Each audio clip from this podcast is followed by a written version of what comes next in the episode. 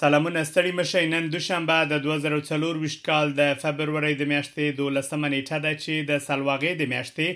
له درې ویشت مې نېټې سره برابرېږي او تاسو له اس بي اس پښتو راډیو څخه د نن ورځې لنډ خبرونه اورئ.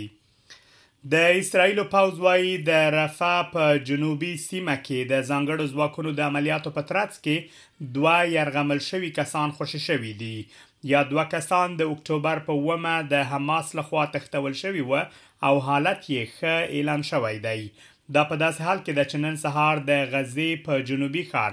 رفح باندې د اسراییلو په هوایي بریدونو کې شپېته تنه وژل شوي دي.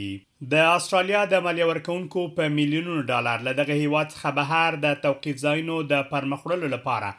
داسې شرکتونو ته ورکړل شوي چې د بډو او پیسو مینځلو شک پرې کېږي د پخواني لوړ پوړي دولتي کارمند ډینیس ریچارډسن له خوا بیا کتنې موندلي چې د کورني چارو وزارت په دې کې پاتې راغلی چې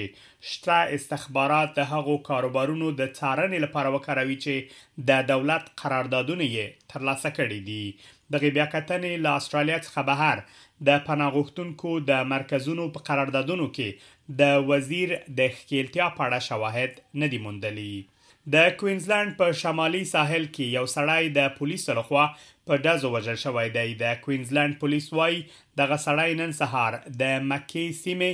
سویل ته په پنځه اویا کیلومترۍ کې د البیلیبي ښارګوټي کې وژل شوی دی. راپورونه ښيي چې نوموړی ځای پر ځای وژل شوی دی. د افغانستان په شمال کې د چین د میلیونونو ډالرو پانګونو پر مټ د تیلو استخراج زیات شوی دی. راپورونه ښيي چې د چین د انرژۍ شرکت نهه څلوېښت میلیونه ډالره پانګونه کړې ده او د دغې پانګونې په مرسته د شمال د تیلو له حوزې په ورځني ډول د اومه تېلو تولید یوولس سوه مټریکه ټنو ته رسېدلی دی. د هغه تړون له مخې چې کال وړاندې د طالبانو حکومت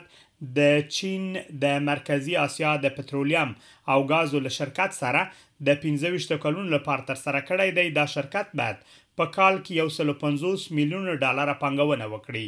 او تر دوه زره او څلور ویشت کال پورې باید د پانګونې اندازه پنځه سوه او څلوېښت میلیونو ډالرو ته ورسیږي. دا هم یو ورزشي خبر، د افغانستان او سریلانکا د کرکټ ملي لوبډلو ترمنځ د دریو یو ورځنیو لوبو لړۍ د تیرې جمعې په ورځ په سریلانکا کې پیل شوې په